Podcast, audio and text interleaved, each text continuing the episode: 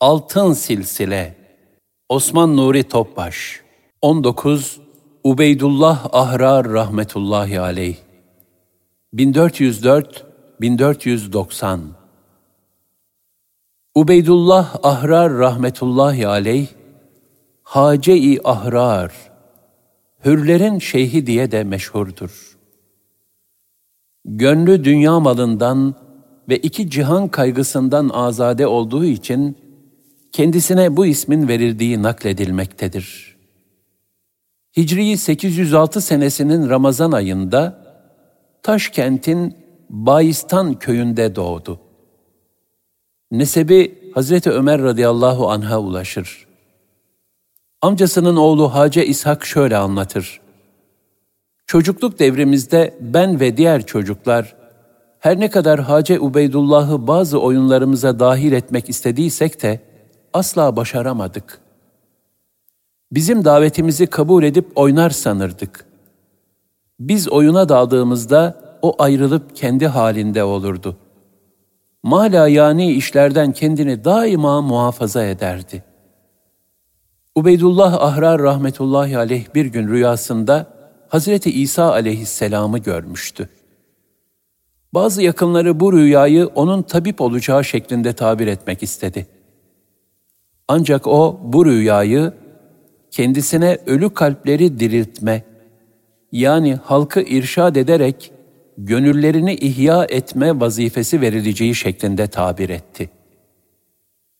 22 yaşına geldiğinde hem ilim tahsiliyle meşgul oldu, hem de Maveraün Nehir'in muhtelif şehirlerini dolaşarak Nakşibendiye'nin önde gelen simalarından istifade etti.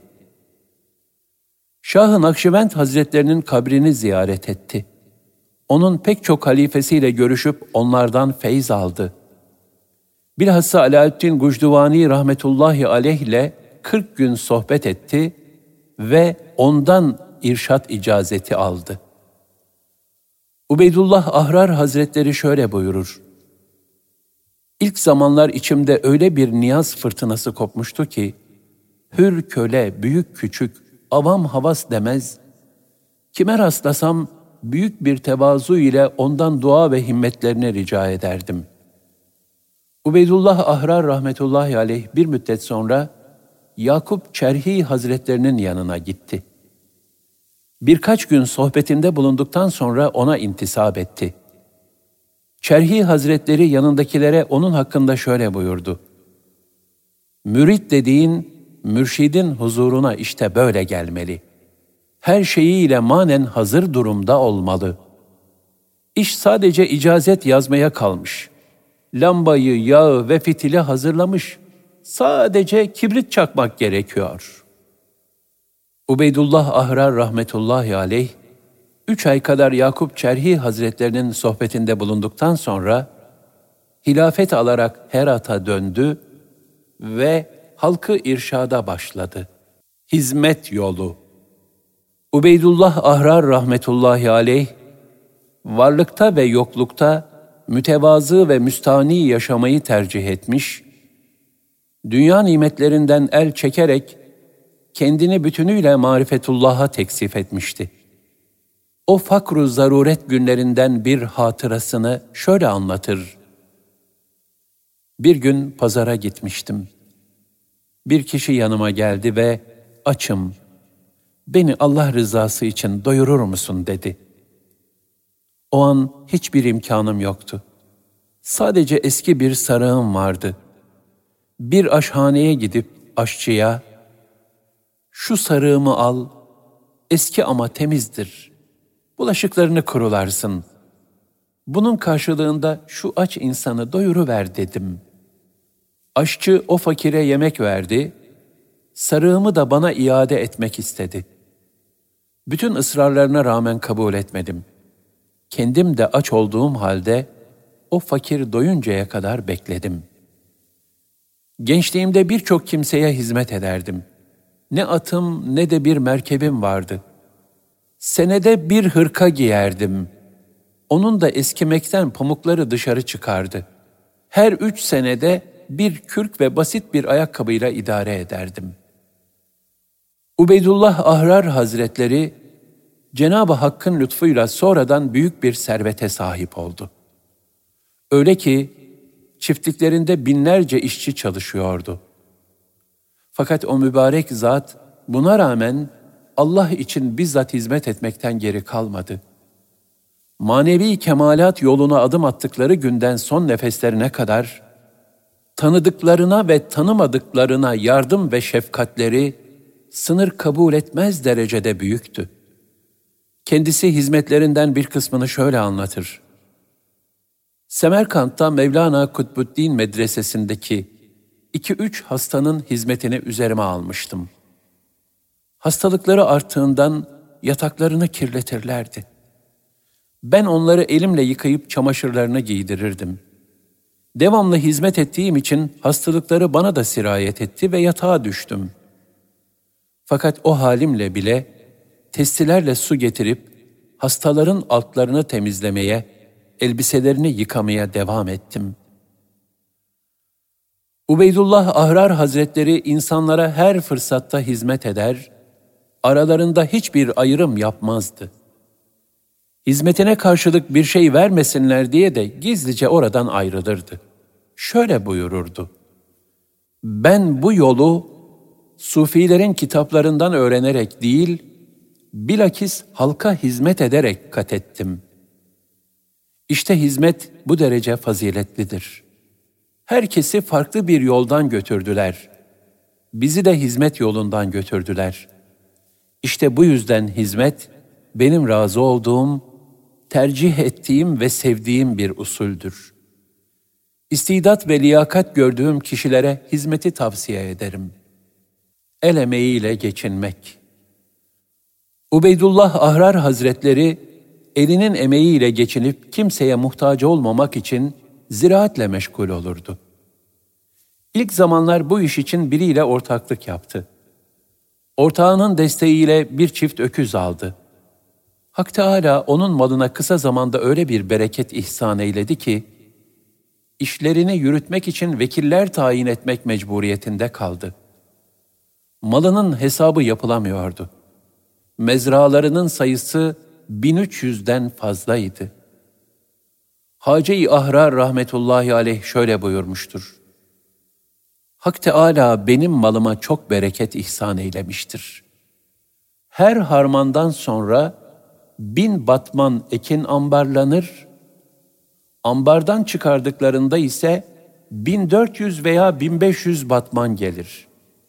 Batman 7,697 kilogram ağırlığında bir ölçü birimi. Ekin ambarlarını muhafaza ile vazifeli zat şöyle anlatır. Ambarlardaki tahılları kullandıkça ziyadeleştiğini görürdük. Bu hali gördükçe Ubeydullah Ahrar Hazretlerine karşı bağlılığımız kuvvetlenirdi. Bir kere bunun manasını sorduğumda Hacı Hazretleri, bizim malımız fakirler içindir. Ziyadeleşmesinin sebebi budur buyurdu. Hacı Hazretleri, bu mezralardan elde edilen bütün gelirleri medreselerdeki ulemaya, talebelere, tekke, zaviye ve camilerdeki sufilere, yolculara, ihtiyaç sahibi Müslümanların istifadesi için tesis edilen vakıflara akıtırdı. Ahrar Hazretlerinin muhtelif şehirlerde pek çok mülkü mevcuttu. Bunların bir kısmını cami, medrese ve tekkeler için vakfederek mühim hayır hizmetlerinde bulundu. İşin temeli gıdaya dikkat. Önde gelen talebelerinden Mevlana Zade şöyle anlatır. Bir gün yemek pişirip Hace Ubeydullah Hazretlerine ikram etmiştim. Yemeğe ellerini sürmediler ve bu yemek hazırlanırken ihtiyatlı davranılmamış. Bir bakın, araştırın, kusur nerededir buyurdular. Yapılan sıkı bir araştırma neticesinde yemeğin piştiği ocağa helal olup olmadığı şüpheli olan bir parça odun atıldığı anlaşıldı. Bunu öğrenen Ubeydullah Ahrar rahmetullahi aleyh celallenerek şöyle buyurdu. Maneviyat yolunda işin temeli gıdaya dikkattir. Buna çok ehemmiyet vermek zaruridir. Zira insanın bedenine giren şeylerin tesiri onun zahirinde görülür. Gördüğünüz bütün bu zevksizlik ve perişanlıklar çoğu zaman şüpheli gıdalar yemekten kaynaklanır.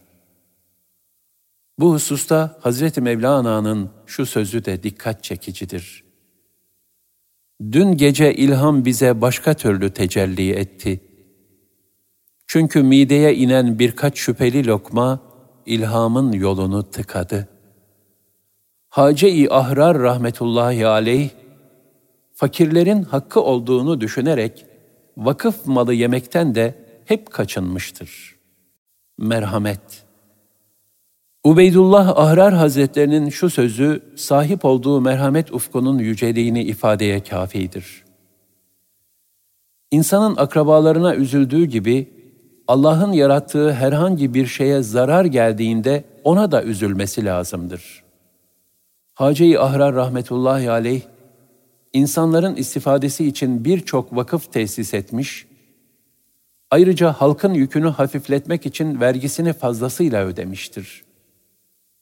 Taşkent idarecisi Mirza Ömer, halka ağır vergiler yükleyince Ubeydullah Ahrar Hazretleri, halkın bir yıllık vergi yükünü hafifletmek için bu idareciye önce 250 bin, ardından da 70 bin dinar göndermiştir. Türkistan bölgesinde kıtlık baş gösterip halk Taşkent'e geldiği zaman Ubeydullah Ahrar rahmetullahi aleyh müritlerinden Muhammed Kadı'yı insanları doyurmakla vazifelendirdi.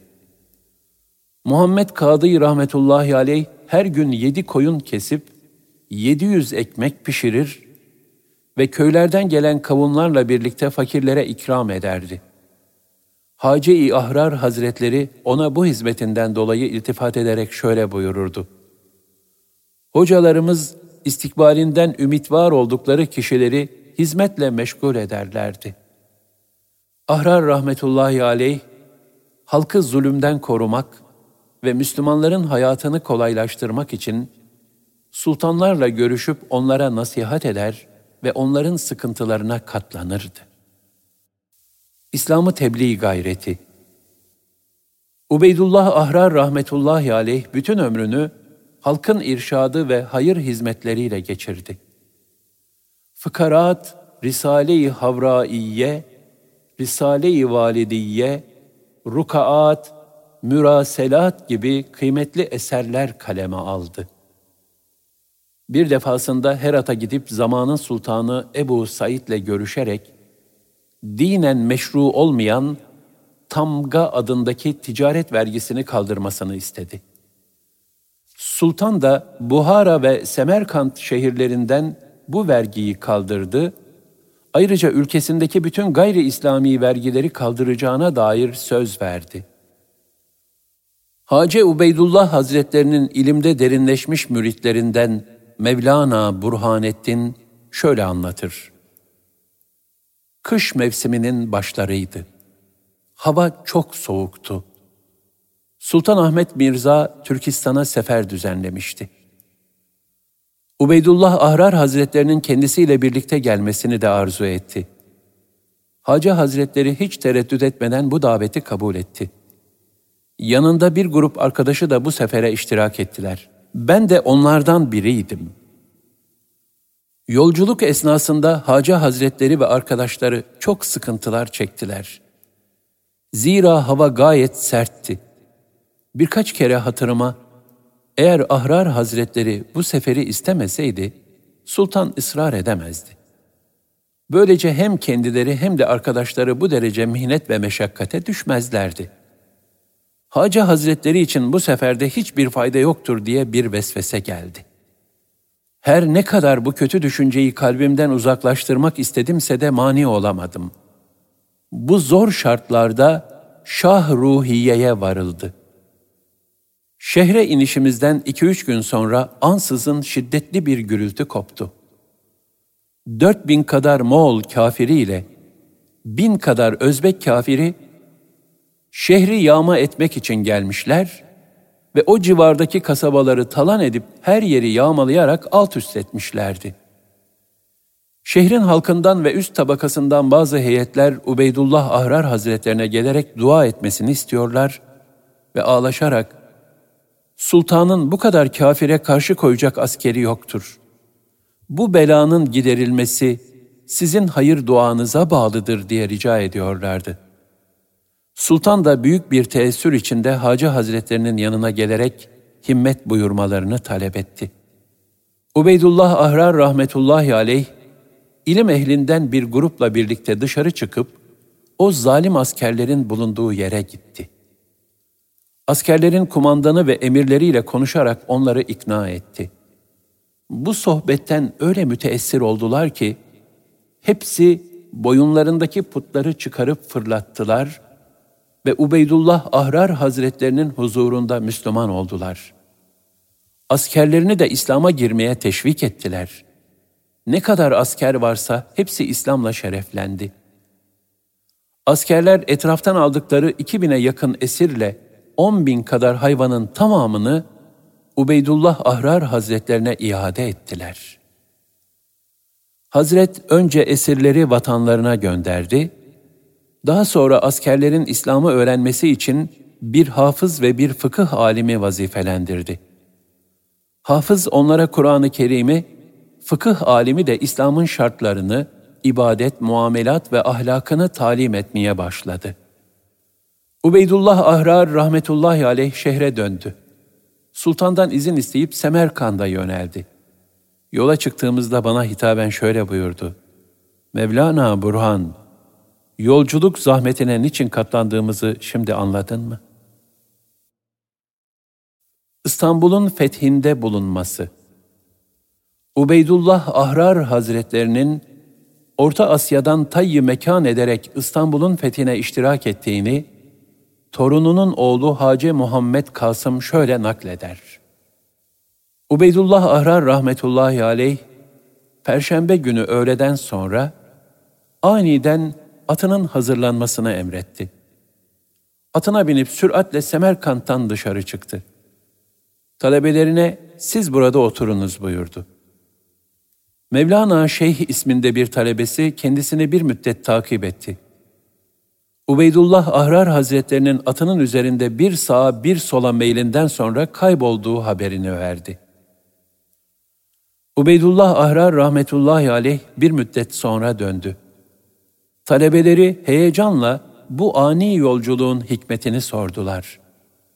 O da, Türk Sultanı Mehmet Han benden istianede bulundu, yardım talep etti. Ben de ona yardıma gittim. Allah'ın izniyle zafer kazanıldı buyurdular. Ubeydullah Ahrar Hazretlerinin torunu Hacı Abdülhadi şöyle anlatır. İstanbul'a gittiğimde Sultan II. Bayezid şöyle buyurdu. Babam Fatih anlattı. Fethin en şiddetli zamanında Rabbime irtica ederek, zamanın kutbunun imdada yetişmesini istedim. O zat şu şu vasıfta bir beyaz atın üzerinde karşıma geldi. Korkma, zafer senindir buyurdu. O zata, küffar askeri çok fazla dedim. O da bana cübbesini açarak içine bak dedi.'' Cübbesinin yeninin içinden sel gibi akan bir ordu görünce hayretler içinde kaldım. Onların hepsi İslam ordusuna yardım etmek için geldi buyurdu ve devam etti. Şimdi şu tepenin üzerinden üç defa köse vur ve bütün askere hücum emrini ver. Ben de aynen öyle yaptım. O pir de ordusuyla hücuma iştirak etti, fethi mübin gerçekleşti.'' peygamber nesline hürmet ve muhabbeti. Ubeydullah Ahrar rahmetullahi aleyh, Resulullah sallallahu aleyhi ve sellem Efendimizin neslinden gelen insanlara tazim ve hürmet hususunda şöyle buyurmuştur. Seyitlerin yaşadığı bir diyarda oturamam. Çünkü Resulullah sallallahu aleyhi ve sellem Efendimizin neslinden olmaları sebebiyle şeref ve ululuk bakımından çok üst seviyededirler. Bu şerefi anlatmak mümkün değildir. Bu sebeple onlara icap ettiği şekilde hürmet etmeye güç yetiremem. Nitekim İmam-ı Azam rahmetullahi aleyh bir gün ders verirken birkaç defa ayağa kalkıp oturur. Bu hareketin için yaptığını kimse anlamaz. Sonunda dayanamayan bir talebesi bunun sebebini sorar. İmam-ı Azam rahmetullahi aleyh der ki, Seyitlerden birkaç çocuk arkadaşlarıyla medrese bahçesinde oynuyorlardı. Kapının önünden her geçtiklerinde onlara hürmeten gayri ihtiyari ayağa kalktım. Faziletleri Ubeydullah Ahrar rahmetullahi aleyh, son derece diğergam ve cömert bir gönül insanıydı. Bir defasında bazı müritleriyle Keş tarafına giderken, havanın kararması üzerine yolda çadır kurup konaklamışlardı. Dışarıda yağmur yağmaya başlayınca, yol arkadaşlarının ıslanmasına gönlü razı olmayan Ahrar Hazretleri, bir bahaneyle dışarı çıkıp talebelerini çadırda kalmaya ikna etmiş ve kendisi ortadan kaybolarak bütün geceyi yağmur altında geçirmişti. Benzer bir hadise de çok sıcak bir günde meydana gelmişti. Tek gölgeliğin olduğu bir tarlada evlatlarının daha rahat istirahat edebilmeleri için sürülmüş olan tarlaları görme bahanesiyle oradan uzaklaşıp uzun bir müddet gelmemişti. Zira talebeleri Hacı Hazretleri ile beraberken istirahat etmekten çekinir, bunu edebe aykırı görürlerdi. Hazret de evlatları rahat etsin diye orada kaldığı günler boyunca bu şekilde mezrayı dolaşmaya devam etti. Ubeydullah Ahrar rahmetullahi aleyh, İslam'ın emir ve yasaklarına son derece bağlıydı. Resulullah sallallahu aleyhi ve sellem Efendimizin sünnet-i seniyyesine tabi olmadan yüksek mertebelere ulaşmanın mümkün olmadığını ısrarla vurgulardı. Peygamber Efendimiz'e tabi olmanın da ehli sünnet vel cemaat istikametinde yaşamaya bağlı olduğunu ifade buyururdu.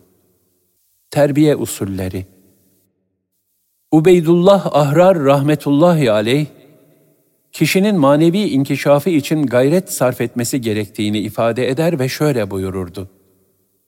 Eğer kişi gayret ve itina ederek zikirle meşgul olursa, kısa zamanda öyle bir mertebeye erişir ki, duyduğu sesler ve halkın konuşmaları ona zikir gibi gelir. Hatta kendi konuşmaları da böyledir. Ancak gayret ve itina olmazsa bu hal gerçekleşmez. Hacı Ubeydullah rahmetullahi aleyh, Horasan'a gitmek için izin isteyen bir dervişe şöyle nasihat etti. Alaaddin Gucduvani Hazretlerinden ayrılırken bana demişti ki, Yolda giderken kendi kendine söz ver.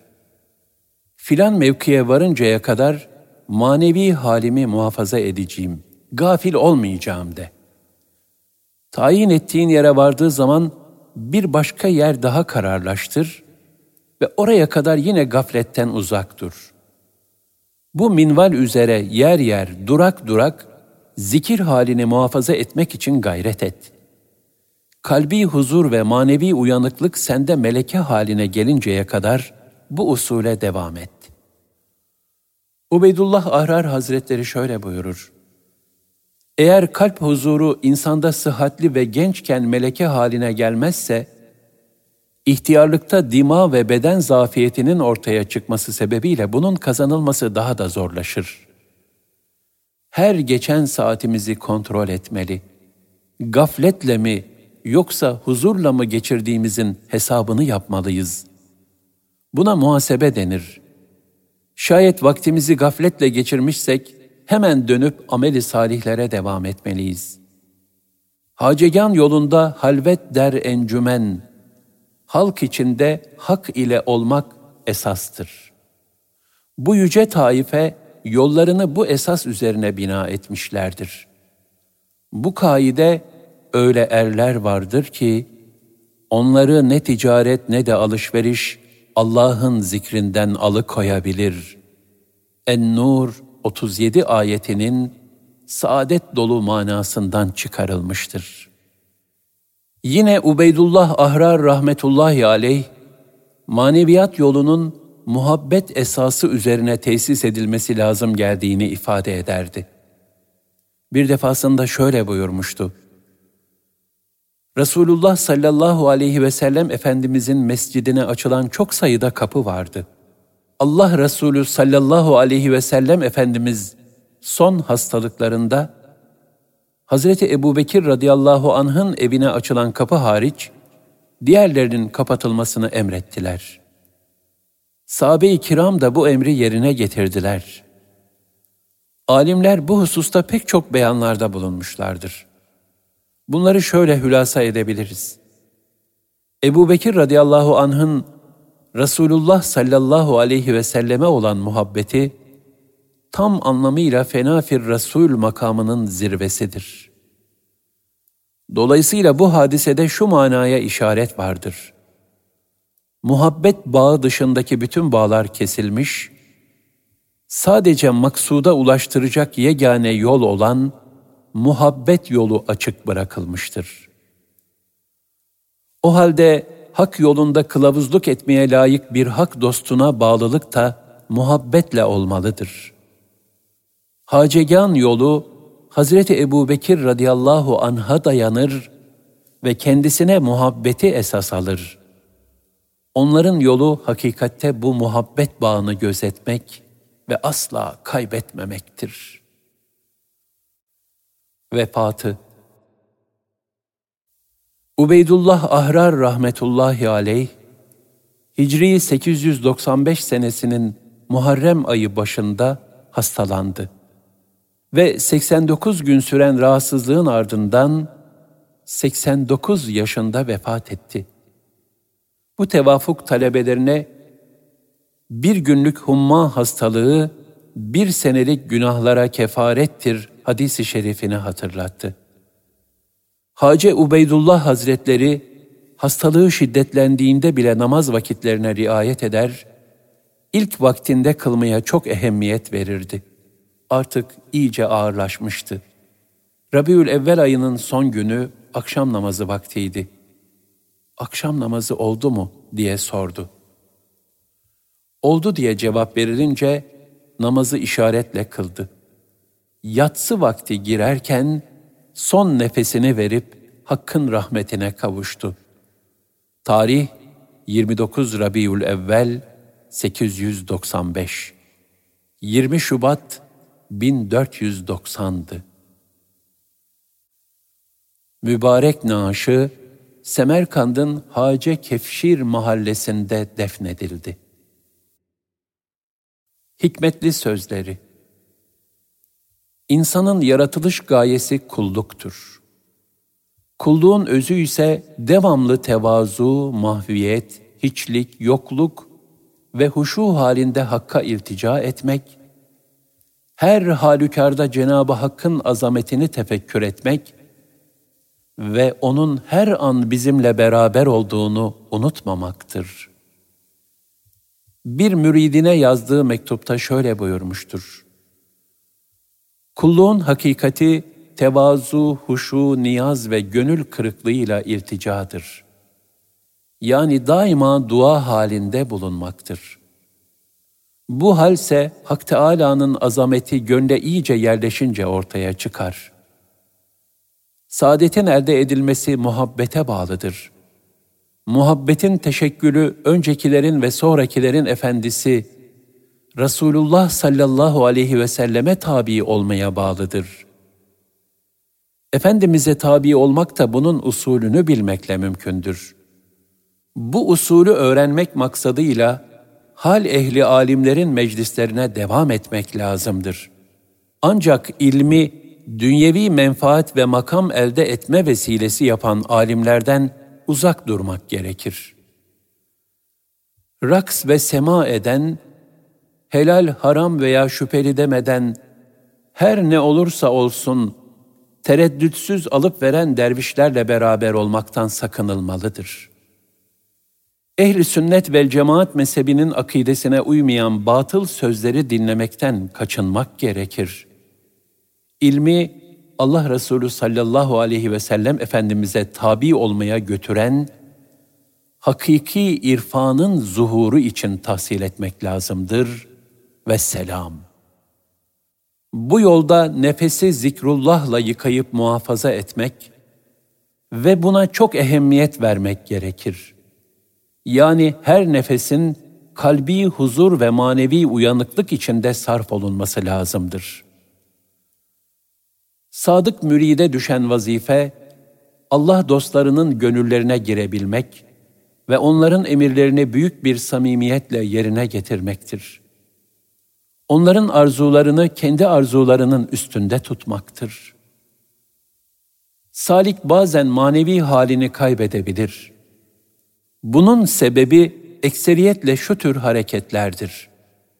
İslami kaidelere aykırı fiillerde bulunmak, haram veya şüpheli bir gıda yemek gibi, kul hakkına girmek, bir müminin gıybetini yapmak gibi, Allah'ın mahlukatına merhametsiz davranmak ve ona zarar vermek, sebepsiz yere bir kediyi köpeği rahatsız etmek gibi. Fazla açlık ve uykusuzluk akla zarar verir. Böyle bir akıl da hakikati idrakten aciz kalır. Bu yüzden bazı riyazat ehlinin keşiflerinde hatalar vaki olmuştur. Bütün haller ve vecdler bize verilmiş olsa, ama iç dünyamızda ehli sünnet vel cemaat itikadı olmasa, bütün bu halleri sadece rezillik olarak görürüz. Bütün eksiklikler ve kusurlar içimizde olsa, fakat iç dünyamız ehli sünnet vel cemaat inancı üzere dost doğru olsa, bunda bir beis görmeyiz. Enel hak demek kolaydır. Eneyi yok etmek müşküldür.''